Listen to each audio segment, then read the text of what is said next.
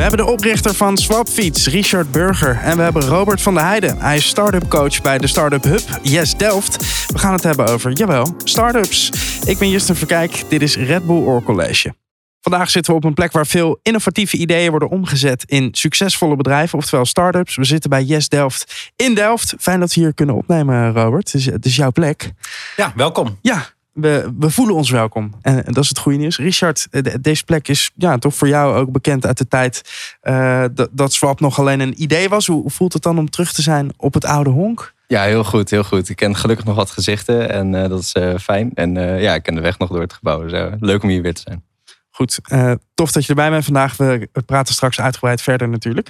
Um, iedere week vragen wij onze tafelstudenten typerend geluid mee te nemen voor het onderwerp van de week. Deze week is dat Kiki en Kiki is nieuw. Dus even een, een kleine bio. Uh, uh, Kiki studeert hier in Delft, technische bestuurskunde en je bent 22 jaar Kiki.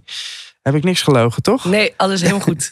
en, en wat moet ik me voorstellen bij technische bestuurskunde? Ja, dat is altijd een, een lastige vraag waarbij ik steeds meer antwoord op kan geven. Mm. Um, ik ben een beetje de schakel tussen uh, technische gedeelte en het management gedeelte in een bedrijf later, is het oh, ja. idee. En um, ja, steeds meer kom ik erachter inderdaad hoe het precies in elkaar zit. Mm.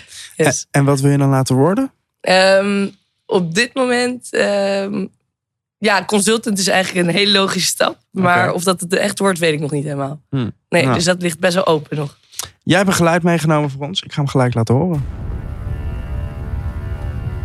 Stage is go for flight.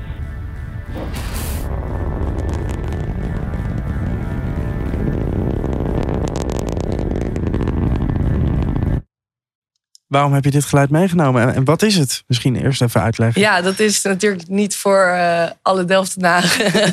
is dat niet heel logisch.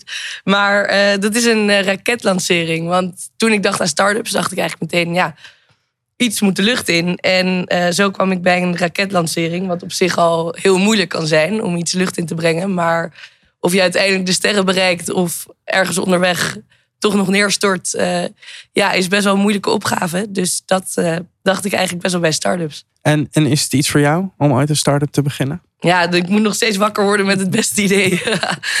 maar het lijkt me heel leuk, ja. En, en wat zijn dan, denk jij, de ingrediënten voor een succesvolle start-up? Ja, dat um, is denk ik uh, heel erg een goed idee hebben. Dus een soort vraag kunnen beantwoorden van een groep mensen. Of ze het weten of niet, dat is de vraag natuurlijk. Maar um, ja, het idee moet denk ik heel sterk zijn. En dan um, is de uitwerking heel belangrijk. Dus je moet een groep mensen kunnen bereiken. En je moet het geld kunnen hebben, dus een investeerder zoeken. Maar ik denk dat het een hele moeilijke stap ook is dat als je eenmaal bestaat, om het ook vol te houden. Mm. Dus niet dat je heel snel al, uh, ja, hoe noem je dat, stagneert, ja. zeg maar. Richard, het is bij jou uh, allemaal gelukt. Jij bent tijdens je studie ook een, een, een start-up begonnen als student. Ja. Uh, had jij vroeger al dan een, een, een droom om een, om een bedrijf te runnen?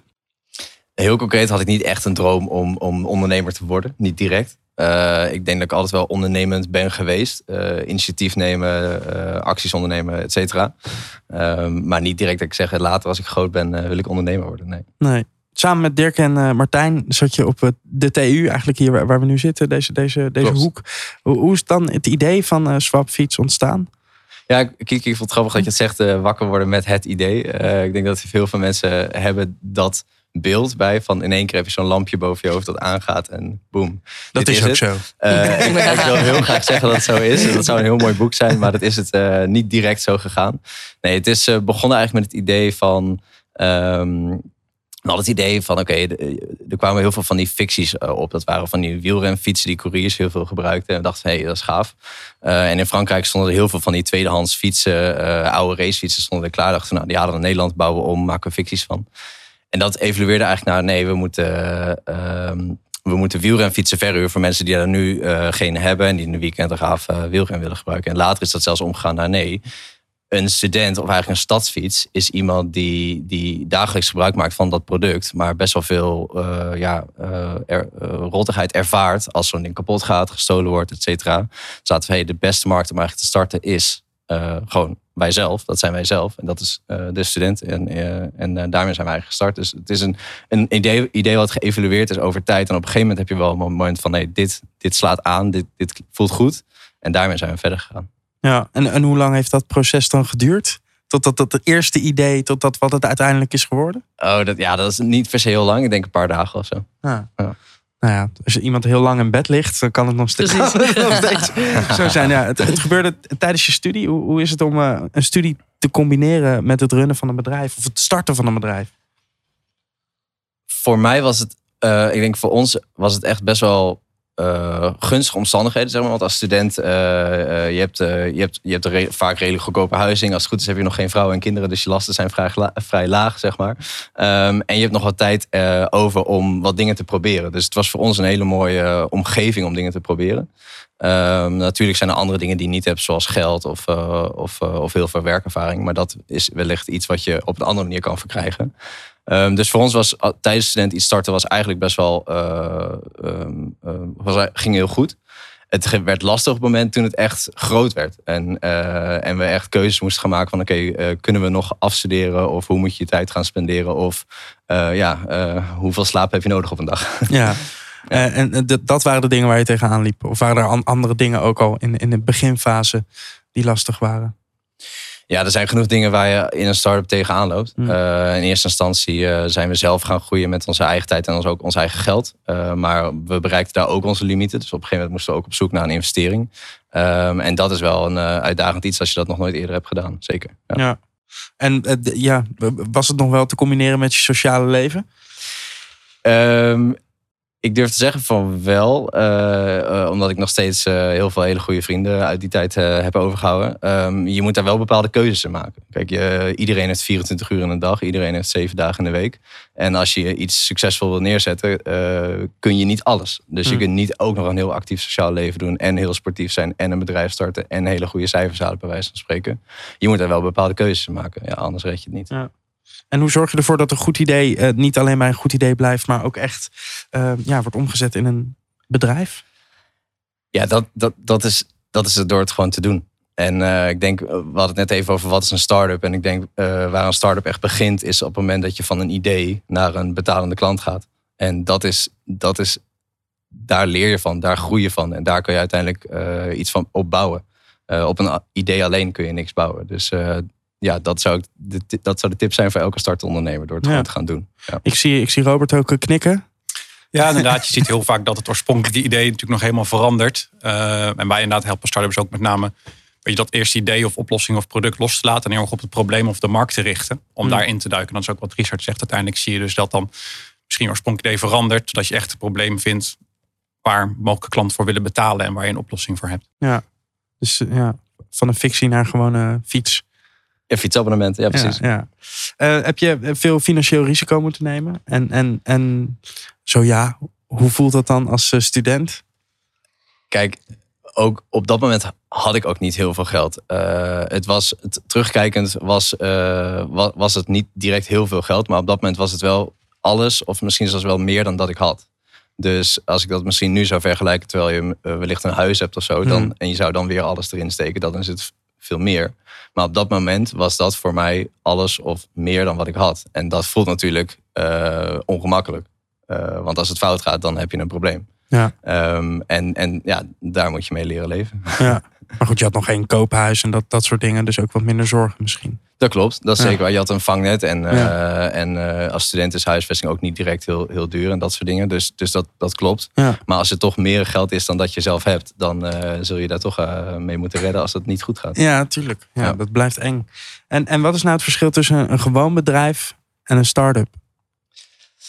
Dat is een goede vraag. Ehm, ik, ik denk dat dat vooral ligt in het, het, het vernieuwende. Dus is het iets nieuws in een bestaande markt of is het iets bestaans in een nieuwe markt? Eh, dat is op twee, twee vormen van nieuw. Ik denk dat je dat allebei kan, eh, kan zien als een start-up. Eh, ik zou niet direct zeggen dat de groenteboer in de straat een start-up is als je dat zou gaan starten. Ehm, maar stel je zou het op een andere manier inrichten of in een andere markt, dan zou ik wel zeggen dat dat een start-up zou kunnen zijn. Hmm. Dus Ja. eigenlijk ja, vernieuwend, disruptiefs, iets in die richting. Ja. Ja. Ja, ik zie het in, in mijn hoofd is gewoon het verschil dat ze dan bij een start-up eh, vergaderen op van die skippyballen in, Ja, eh, in roze ruimtes. eh pingpongtafels. met- Ja, klopt. Ja, Nee. Gewoon bedrijf zijn, ja, een Ja. beetje accountant, accountant sfeertje. Ja. Ja, die eh, pingpongtafels hebben we hier ook. Maar de definitie die wij heel vaak hier gebruiken is, en die ook veel wordt gebruikt, is die van Steve Blank. Dus ik denk waar het verschil in zit, is dat een start-up eigenlijk een tijdelijke organisatie is op zoek eh, naar een schaalbaar en herhaalbaar businessmodel. Om uiteindelijk dus winstgevend te kunnen zijn en, en te kunnen bestaan. Terwijl de bestaande op- organisaties die vernieuwen inderdaad ook, zoals Richard zegt, maar die hebben die onzekerheid een stuk minder. Dus die zijn veel meer ingericht op gewoon uitvoeren. Ja. In plaats van het, het zoeken naar de juiste markt, de juiste klant, het juiste businessmodel, de juiste prijs. En daar zit denk ik het grootste verschil, eh, verschil in. Ja.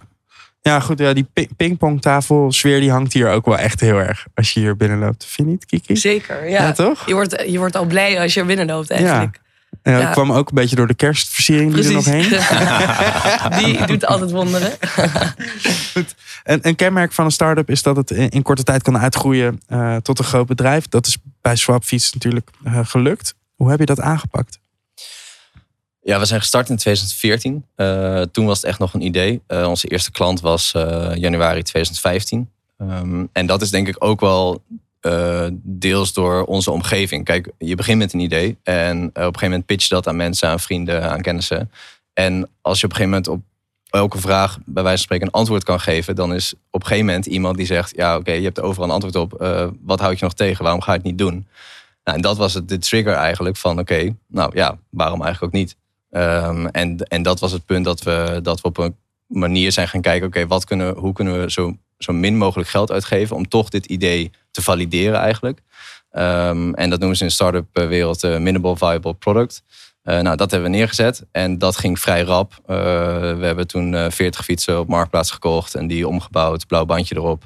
En die waren binnen twee weken waren die eigenlijk als abonnement verkocht. Um, en nou ja, als dat lukt zonder veel marketing, zonder wat dan ook, dan is er toch wel iets van: hey, hier, zit, hier zit iets, hier, hier is behoefte aan, hier zitten mensen op te wachten. En dat was toch wel de trigger die we ook kregen van: oké, dan als hier iets zit, dan gaan we er iets van maken. Dus laten we er iets mee doen. Ja, ja je zei het ook al, we waren zelf de doelgroep. En denk je dat dat een groot voordeel is? Uh, iets verzinnen voor jezelf in plaats van iets verzinnen voor een ander, waar jij je toch niet voor 100% in kan inleven? Ja, ik denk dat dat absoluut mee heeft geholpen uh, aan, aan de manier hoe we zijn gegroeid. Want wij inderdaad waren onze eigen klant als het ware. Dus wij wisten de behoefte heel goed. We wisten de pijn heel goed die we oplosten. Um, en we wisten ook hoe we ze moesten bereiken. Uh, want we weten, weten zelf hoe we graag uh, benaderd willen worden, et cetera.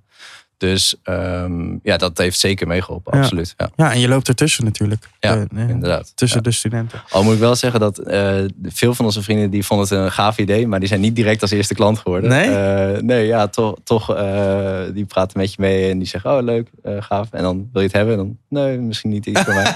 en uitzondering hier en daar, absoluut. Maar um, uiteindelijk is het toch, heeft het wel geholpen, absoluut, om het idee te verfijnen. En ja. dat zeker. Ja, maar het, het, het is ook fijner, uh, denk ik, als andere mensen het afnemen dan je eigen vrienden. Want absoluut. dan weet je niet, doen ze dit nou voor mij of, of is dit nou echt een goed idee? Ja, absoluut. Ja. ja. En we hebben ook zeker vanaf dag één daar ook echt geld voor gevraagd. Want uh, je kan best wel makkelijk een gratis product weggeven. En iedereen ja. wil een gratis product hebben.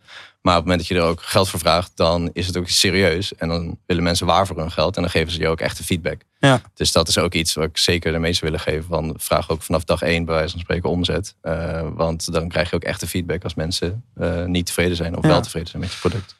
Startups krijgen ook nog wel eens de kritiek uh, dat ze een beetje in, in fictie leven. Grote beloftes, veel extern kapitaal, veel schulden. Jullie maken dit jaar 11 miljoen verlies, dacht ik. Uh, hoe kan dat? En, en, wat maakt dan uh, dat jullie denken op termijn toch winst te kunnen gaan maken?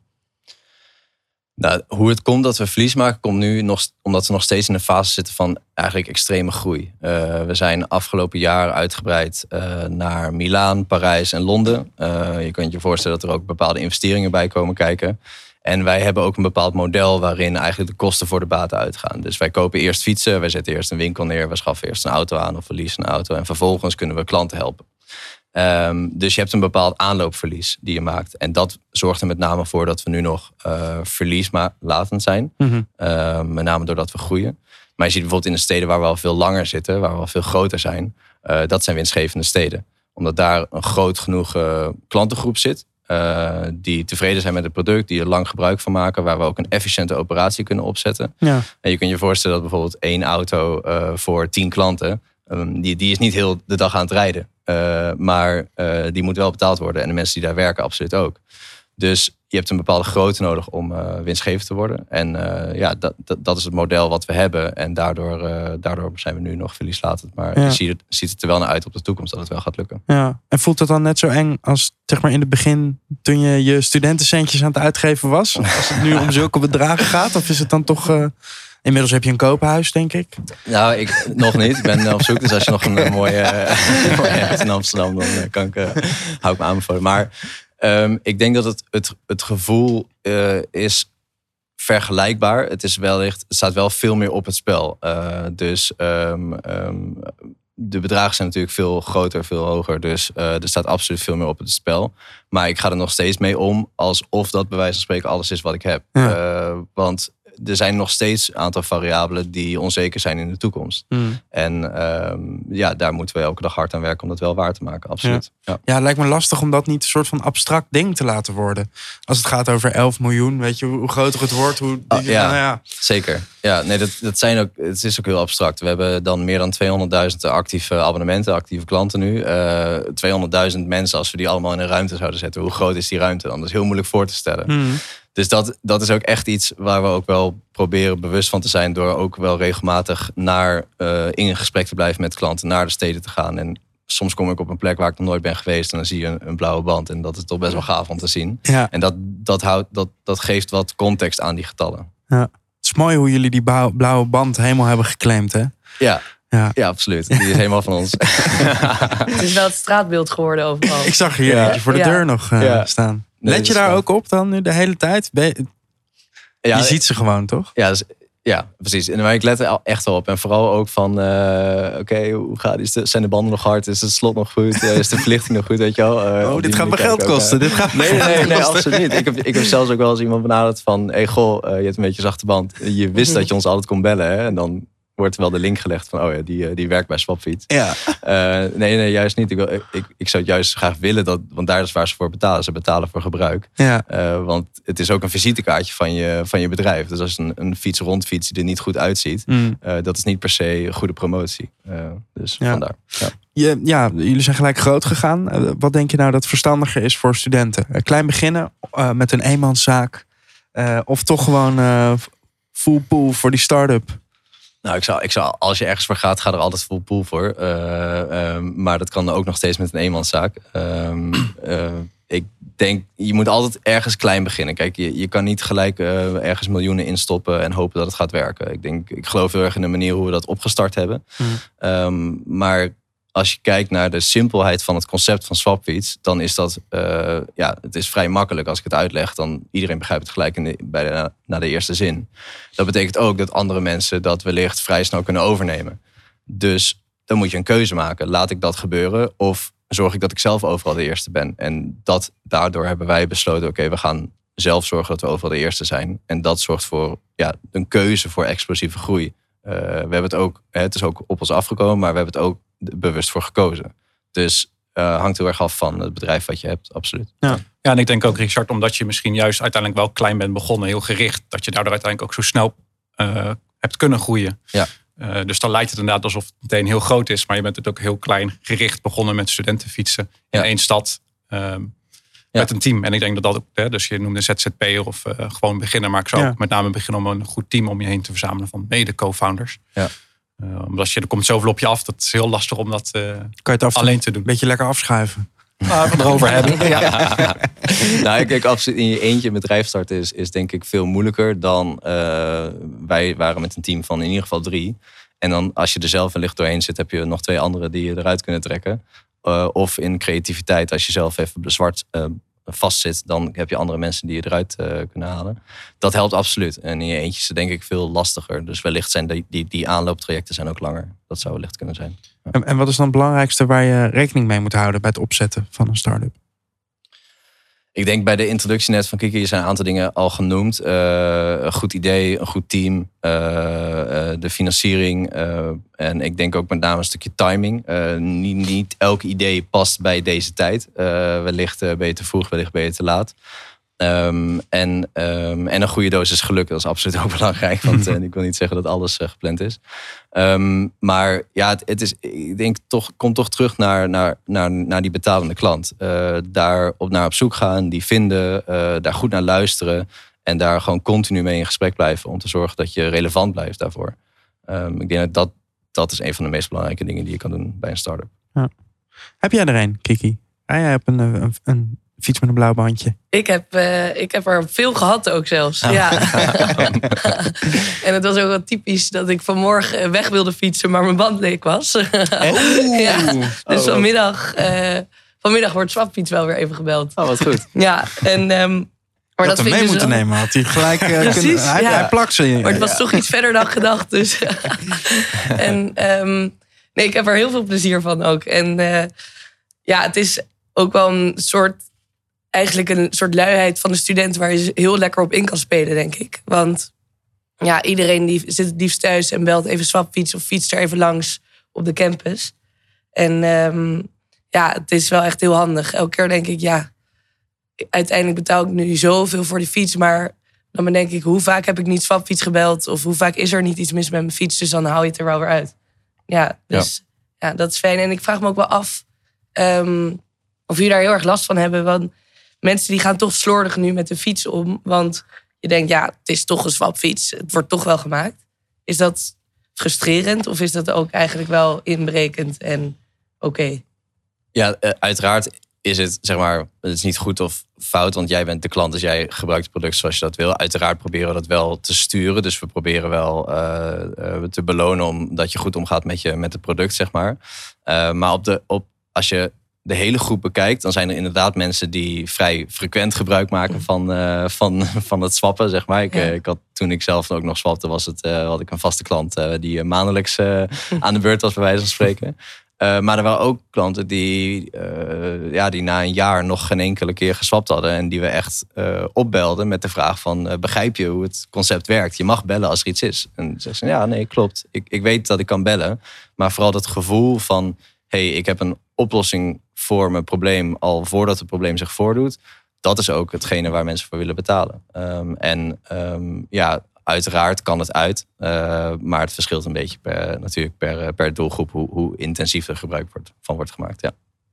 Zie je nog verschil tussen verschillende landen, hoe mensen met fietsen omgaan?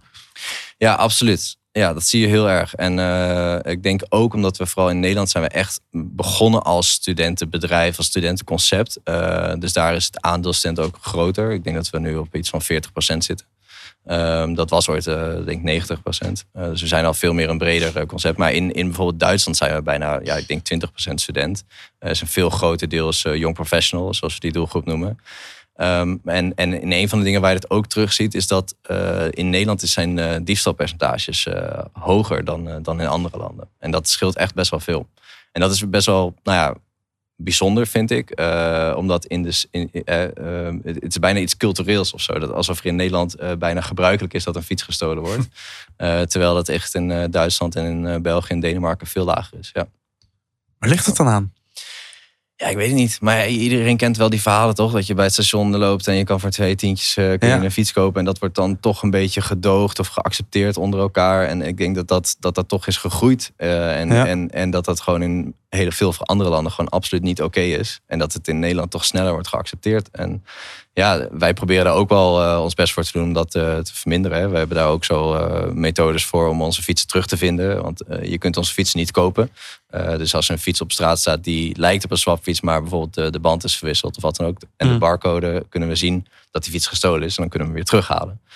Ehm, dus op die manier krijgen we ook al een deel, groot deel van onze fietsen terug. Maar het is toch vervelend als je als klant je fiets een dag kwijt bent of langer. Dus dat, Mm. is, ja, dat is wel vervelend. Hoe zorg je er in het begin voor dat mensen van Swapfiets eh afwisten? Ik kan me voorstellen dat er nog geen gigantische marketingbudgetten waren. Klopt, ja. Nee, dat, dat eigenlijk dat deden onze klanten dat voor ons. Dus ehm, we hadden wel een- uiteraard een, eh, wat heb je, een Facebookje en een website. En eh, je, hebt, je hebt wat dingen waar, waar, je, waar je wat post.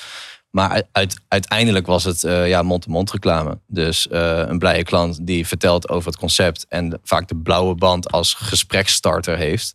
Uh, je fietst in een groepje met vier, vijf studenten. Eentje heeft een blauwe band en zegt: hey, wat heb je nou voor een gekke blauwe band? Wat is dat? En als je dan een blije klant hebt, die vertelt een mooi verhaal. Mm. Nou, en dan vervolgens zit dat zaadje ergens hierboven. En dan gaat iemand anders een fietsstuk. En denk van, oh ja, ik heb nu geen zin of geen tijd. Of weet je wat, ik ga lekker dat swapfiets doen. En voor je het weet groeit dat groeit dat uit. Ja. Um, en, en tot op het punt dat je in een groepje fiets met vier, vijf studenten en vier hebben een blauwe band en die ene niet. En van die ene gaat een band lek. En dan zegt iedereen van ja, doei. Uh, re regel het zelf maar, zeg maar. Dus, dus ja, het is echt mond-to-mond reclame. Dat is nog steeds iets wat we vandaag uh, ja, heel veel inzetten, absoluut. Ja. ja. En was dat, was dat dan ook echt het idee van de blauwe band? Is dit, is dit het eerste idee van de blauwe band? Eerst hadden we twee blauwe banden. Dus uh, we hadden wel het idee van oké, okay, we moeten die fiets herkenbaar maken. Want die fiets is niet per se vernieuwend. Mm. Uh, het is vooral het concept erachter wat vernieuwend is. Het abonnementsmodel. Um, en uh, nou, we komen uit Delft. De Delft is bekend voor Delft Blauw. Dus oké, okay, laten we kiezen voor blauw. En dan zaten we een beetje de onderdelen te, te kijken. En dan okay, laten we twee blauwe banden erop zetten. Maar twee blauwe banden vervangen is best wel veel werk. Een achterband vervangen helemaal. En je moet twee goede banden weggooien. En dat is niet bepaald duurzaam. Dus dacht ik. Toch gewoon luiigheid. Het begon met luiigheid. Ja, wel. Die tweede band is toch een beetje ingewikkeld. Nou, je moet het voor jezelf wel een beetje makkelijk maken. Dat wel. Er, is al genoeg, uh, er waren al genoeg uitdagingen, absoluut. Nee, zeker. En, en, en vervolgens heb je, zet je er één blauwe band op. En dat is wellicht nog herkenbaarder dan, uh, dan twee blauwe banden. En dat is wel echt een gesprekstarter geweest. Ja, Ja. absoluut. Ja, zo slim. Het, het begon dus met 40 fietsen. En hoe, hoe groeide dat? En op hoeveel, hoeveel fietsen zitten jullie nu? Uh, we zijn in Delft gestart, inderdaad met 40 fietsen. Daar hebben we over de eerste anderhalf jaar zijn we gegroeid tot ongeveer 150 uh, ja, klanten, abonnementen. Um, en uh, vanuit daar konden we niet verder groeien zonder, zonder investering. Toen zijn we op zoek gegaan naar een investering. Dat is uiteindelijk gelukt in, als ik het goed heb, 2016. Um, en vanaf 2016 eigenlijk zijn we door gaan schalen naar andere steden in Nederland, met name studentensteden. Dat is wat we kenden, dat is wat we wisten. En vanuit daar kwam ook de behoefte vanuit andere landen, andere steden, om daar naartoe te groeien. Dus toen zijn we in 2018 geloof ik naar België, Duitsland, Denemarken gegroeid. Afgelopen jaar naar, ook naar Milaan, Parijs en Londen. Um, en, uh, en nu zitten we uh, dus in die landen in ongeveer 60 steden. Uh, en hebben we meer dan 220.000 actieve members. Ja. Ja. Wauw, dat zijn 220.000 fietsen. Maar, en dan moet je er nog natuurlijk nog een paar klaar hebben staan. Klopt, ja. Ja. ja.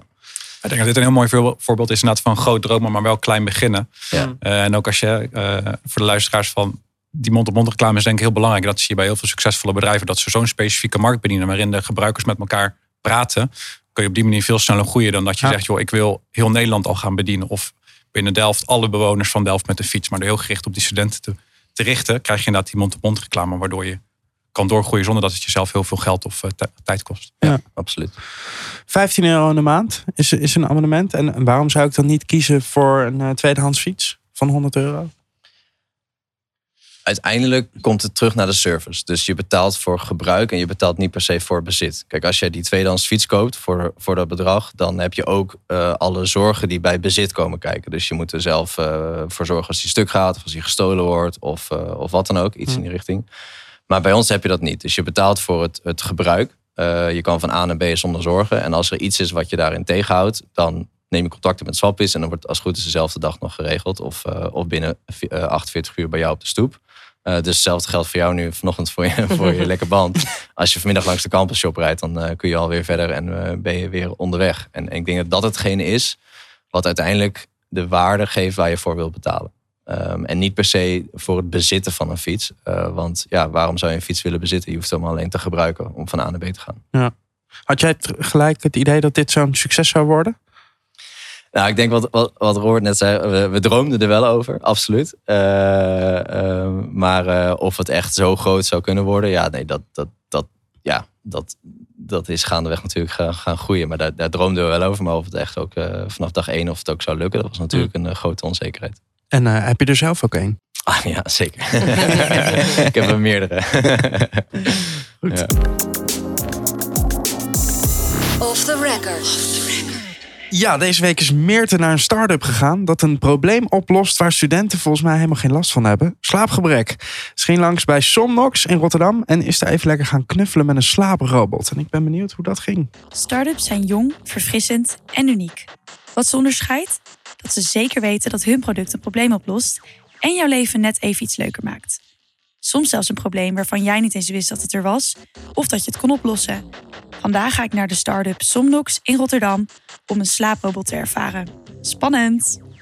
Ik loop nu op Rotterdam Centraal en ik ga jullie meenemen naar Somnox.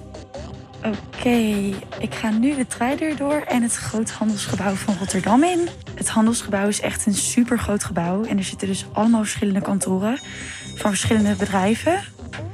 En ehm, ja, ik ben heel benieuwd wat ik hier ga aantreffen. Nou, Justin, super leuk dat ik hier met jou mag zitten.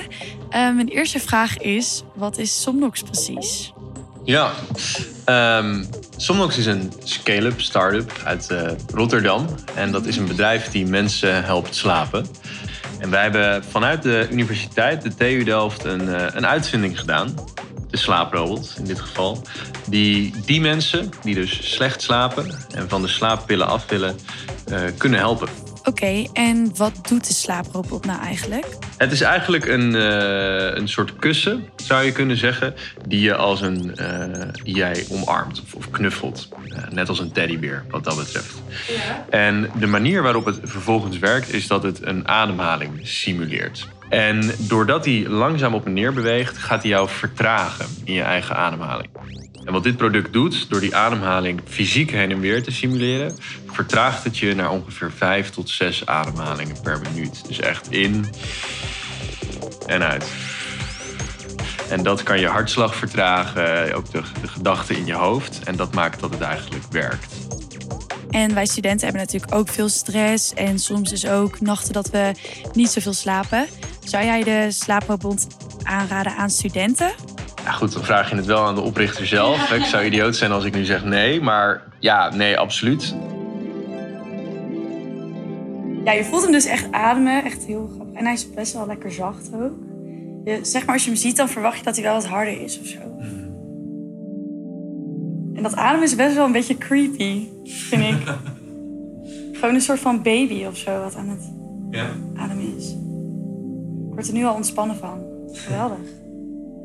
Cool, echt heel cool. Ja, thanks. Nou, dat was wat zeg.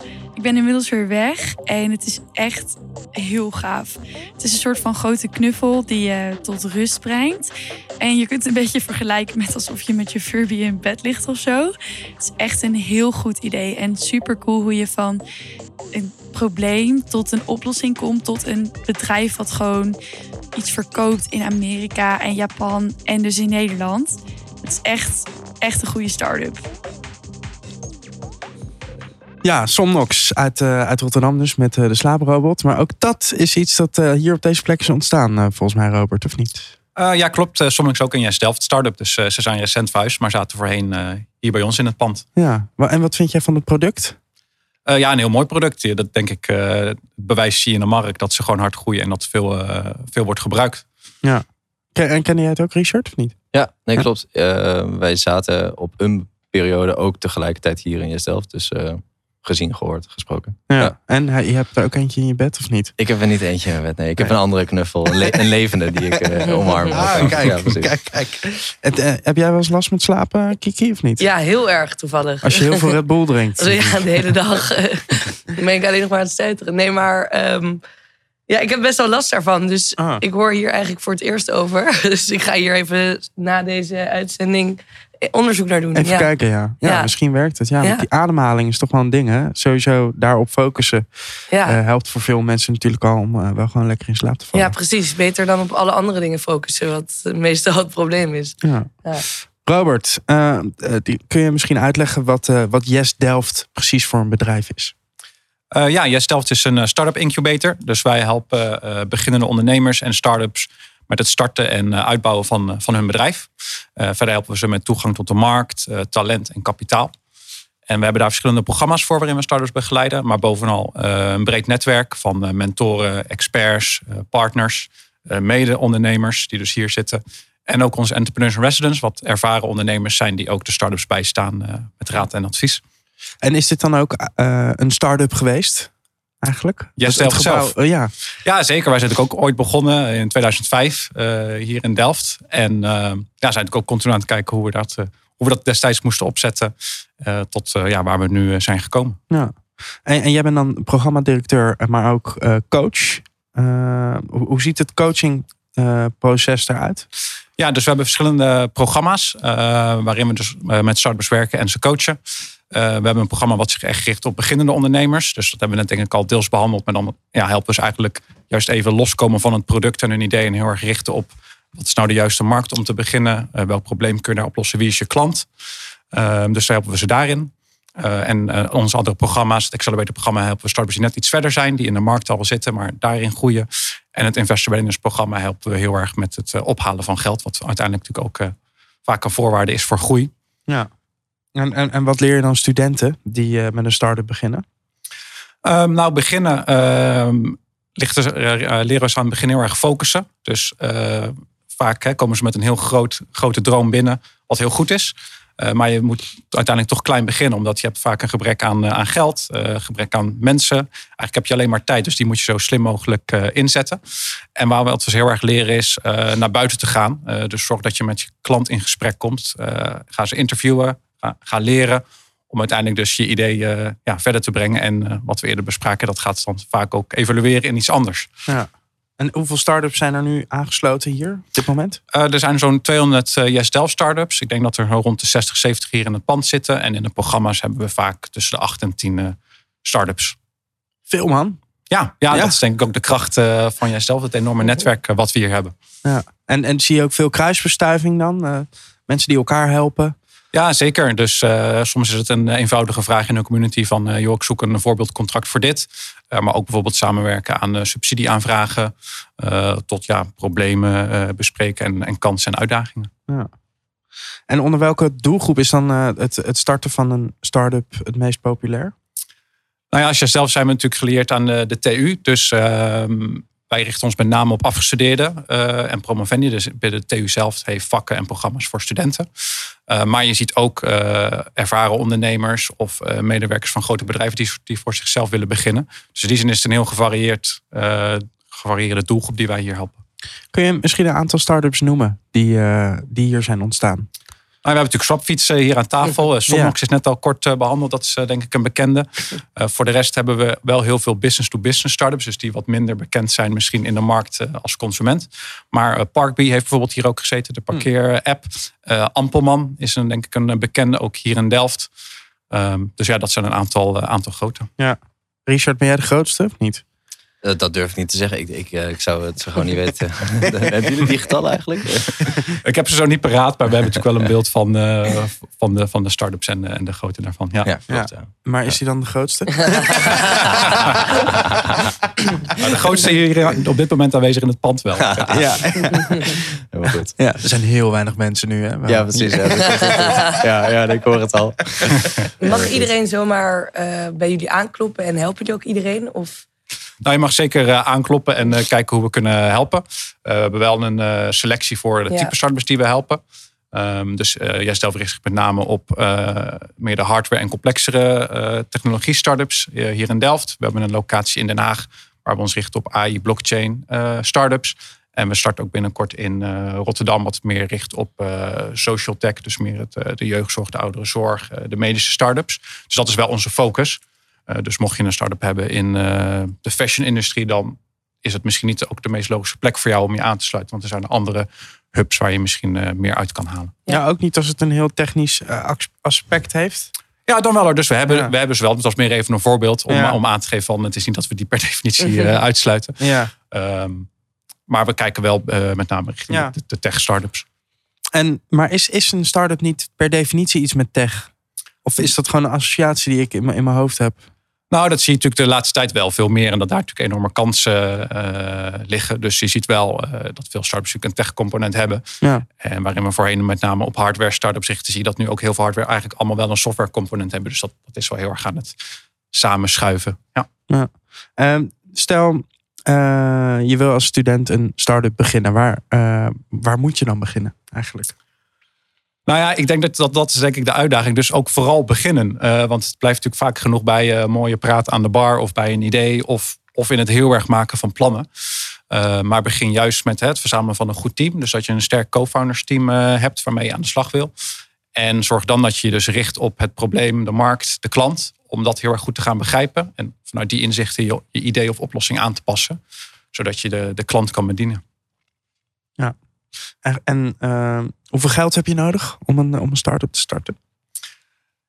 Nou, ik denk dat je in principe met name tijd aan het begin nodig hebt om te beginnen. Uh, het kost natuurlijk niet zo heel veel geld om mensen te interviewen, uh, om de straat op te gaan, om uh, goed na te denken. Dus je kan denk ik sowieso beginnen zonder dat je heel veel geld daarin stopt. Dat zou ik ook niet aanraden. Ik zou ook heel zuinig zijn aan het begin, omdat er nog zoveel onzekerheden zitten. Mm. Wil je juist zuinig zijn. Op een gegeven moment heb je natuurlijk wel groeigeld nodig om echt te schalen, zoals Richard ook zei. Maar er zijn ook genoeg mogelijkheden voor subsidies aan te vragen als je technologische ontwikkeling doet. Dus in die zin uh, ja. uh, kun je beginnen als student met, je, met je leningje. Ja. ja. En, en beter gelijk beginnen of toch eerst even langs de coach of, of een plek zoals Yes Delft? Um, nou ja, ik zal vooral beginnen. Um, en ik denk dat het voor, ja, voor, voor de founder en het team zelf afhangt wat ze zoeken, waar ze hulp bij, bij willen hebben. Er zijn natuurlijk genoeg websites, individuele coach, eh, accelerators, eh, incubators zoals wij, waar je uiteindelijk kan eh, bij aansluiten. En ik denk dat er heel veel waarde zit in het netwerk, om te voorkomen dat je de gebruik, gebruikelijke fouten maakt. Maar ook om vervolgens snel te kunnen groeien met behulp van het netwerk. Wat zijn dan de gebruikelijke fouten? Um, nou ja, dus heel erg richt op je product. Dus jaren of maanden besteden aan productontwikkeling. Uh, en dan willen lanceren. Terwijl, en dan, komt er, dan blijkt dat er misschien helemaal geen vraag naar is. Mm. Uh, maar ook uh, bijvoorbeeld de structuur van je bedrijf niet goed neerzetten, waardoor je misschien onnodig risico loopt. Ja. Uh, Richard, is misschien een, een, een steen waar jij je aan hebt gestoten, die je met ons kan delen? Een fout die jij hebt gemaakt voor ons allemaal, zodat wij hem niet meer hoeven te maken? Nou, ik denk wat heel herkenbaar is, wat je, wat je net zei, is, uh, is dat stukje focus. Uh, ik denk dat uh, een start-up die, die gaat niet ten onder aan een tekort aan ideeën. En gaat eerder ten onder aan te veel ideeën en geen enkele daadwerkelijk goed executeren, goed uitvoeren. Dus dat is wel eentje die, die wij meerdere malen naar ons hebben gekregen. Van ja, oké, allemaal goede ideeën, maar ga nou eerst dit maar even doen. en daar goed in zijn, voordat je weer verder gaat. Um, uiteraard hebben we allerlei verschillende ideeën eh, uitgedacht, uitgezocht. Maar we hebben uiteindelijk wel de beeld bewust gezet. Oké, op deze gaan we ons geld inzetten en daarin gaan we groeien. Uh, ja, dat is zeker eentje die heel herkenbaar is, absoluut. Ja. Focus, belangrijk. Ja, zeker weten. Wat voor uh, voordelen zitten er aan het hebben van een start-up? Um, nou, je, bent, je bent natuurlijk je eigen bedrijf aan het bouwen. Dus je hebt heel veel zeggenschap, heel veel ruimte. je gaat natuurlijk een enorm avontuur aan. Um, wat heel gaaf is. En nou, het kan, hè, zoals we met uh, Research in ook heel succesvol worden. Hmm. En, en, de nadelen dan? Nou ja, uiteindelijk uh, het merendeel van de start-up slaagt natuurlijk niet, uh, blijkt. Dus er zitten natuurlijk risico's aan. Je moet echt wel om kunnen gaan met onzekerheid, met chaos. Um, en dan heb je natuurlijk nog het risico dat er mogelijk tussen je co-founders conflicten of moeilijke discussies gevoerd moeten worden. Dus daar moet je je wel op voorbereiden. Ja. Ja, het kan dus uh, ja, explosief groeien, uh, zoals bij Swapfiets is gebeurd. Hoe, hoe hou je dat dan onder controle? Ik denk dat dat heel lastig is, maar dat is ook wel een heel mooi voorbeeld waar je natuurlijk uiteindelijk naar start-up naartoe werkt. Dus de product market fit, dat je in de juiste markt zit met een, met een juist product. En wat je dan ziet is dat je eigenlijk een beetje de shift maakt van het heel erg zoekende naar wat meer het uitvoerende. Dus je moet op een andere manier je, je start-up gaan inrichten, mogelijk andere rollen gaan aannemen, andere prioriteiten gaan stellen. Ja. En ja, wat, uh, wanneer is een, een start-up voor, voor een bedrijf, een ander bedrijf interessant om, om mee samen te werken? Uh, dat verschilt ook per fase waarin je als start-up zit. Uh, je ziet bijvoorbeeld veel grote bedrijven werken met challengers om in contact te komen met, met start-ups mm. voor hele concrete oplossingen. Um, maar het kan ook gewoon als een, een, bedrijf kan ook gewoon een klant zijn van een start-up. Uh, zeker als zij ook een groot probleem hebben wat jij, uh, wat jij kan oplossen. Dus je ziet veel grote bedrijven bijvoorbeeld ook pilots draaien met start-ups om ja, aan elkaar te wennen. Te kijken of, uh, of de start-up inderdaad een probleem kan oplossen voor een klant. Ja. Maar je kan ook denken aan strategische investeringen. Waarin een bedrijf investeert in een, in een start-up om mee te groeien hmm. met elkaar. En, en wat moet je nou wel doen als je begint met een start-up? En wat moet je absoluut niet doen? Um, nou, absoluut niet doen is dus alleen maar aan je, op je product richten, ontwikkelen en uh, dan in één keer lanceren, hopen dat het goed gaat. Uh, wat je wel moet, moet doen is eh, echt beginnen, jezelf eraan committeren. En dan met name het committeren aan het valideren van je idee. Ja. Dus richt je nou eerst op een specifiek segment, eh, op de klant en het probleem. En eh, ga vanuit daar doorbouwen. En wat is de, tot slot, de, de volgende swapfiets die hier nu eh, rondfietst, als het ware? Nou, we hebben heel veel start wat ik net zei. Dus eh, eh, eh, we hebben startups in de AI blockchain die, eh, die hard Ja. gaan. Zoals een voice zien we. Ehm, maar, maar wat doen ze dan? Want je, je noemt nu allemaal namen, maar het zegt me niet zo heel veel, eerlijk gezegd. Nee, dat ik zei, dat zijn natuurlijk veel startups in de business-to-business industrie eh, Ja, die oké. zitten. Dus Voice heeft een AI-tool waarin ze eh, gesprekken van service desks eh, kunnen analyseren. eh, om te voorkomen dat er verkeerde dingen worden gezegd of dat, eh, dat er onjuiste informatie wordt gedeeld. Oh ja, Dus die eh, zitten daar zeker in voor de klantenservice. Dan worden- worden de klantenservice uiteindelijk beter van. Ja, zowel de, eh, de klantenservice zelf als de klanten inderdaad. Ja, lekker. Richard, Robert, Kiki, het was eh, fijn om met jullie aan tafel te zitten op deze bijzondere plek vandaag. Dit was hem. Dankjewel voor het luisteren. Volgende week zijn we er weer met een nieuwe Red Bull Oor College op hetzelfde kanaal, maar ook natuurlijk in al die andere podcastkanalen. En vind je deze podcast leuk? Geef ons dan 5 sterren in Apple Podcast. Dank daarvoor alvast. Dankjewel. Doei. Super, dankjewel. Hoi hoi.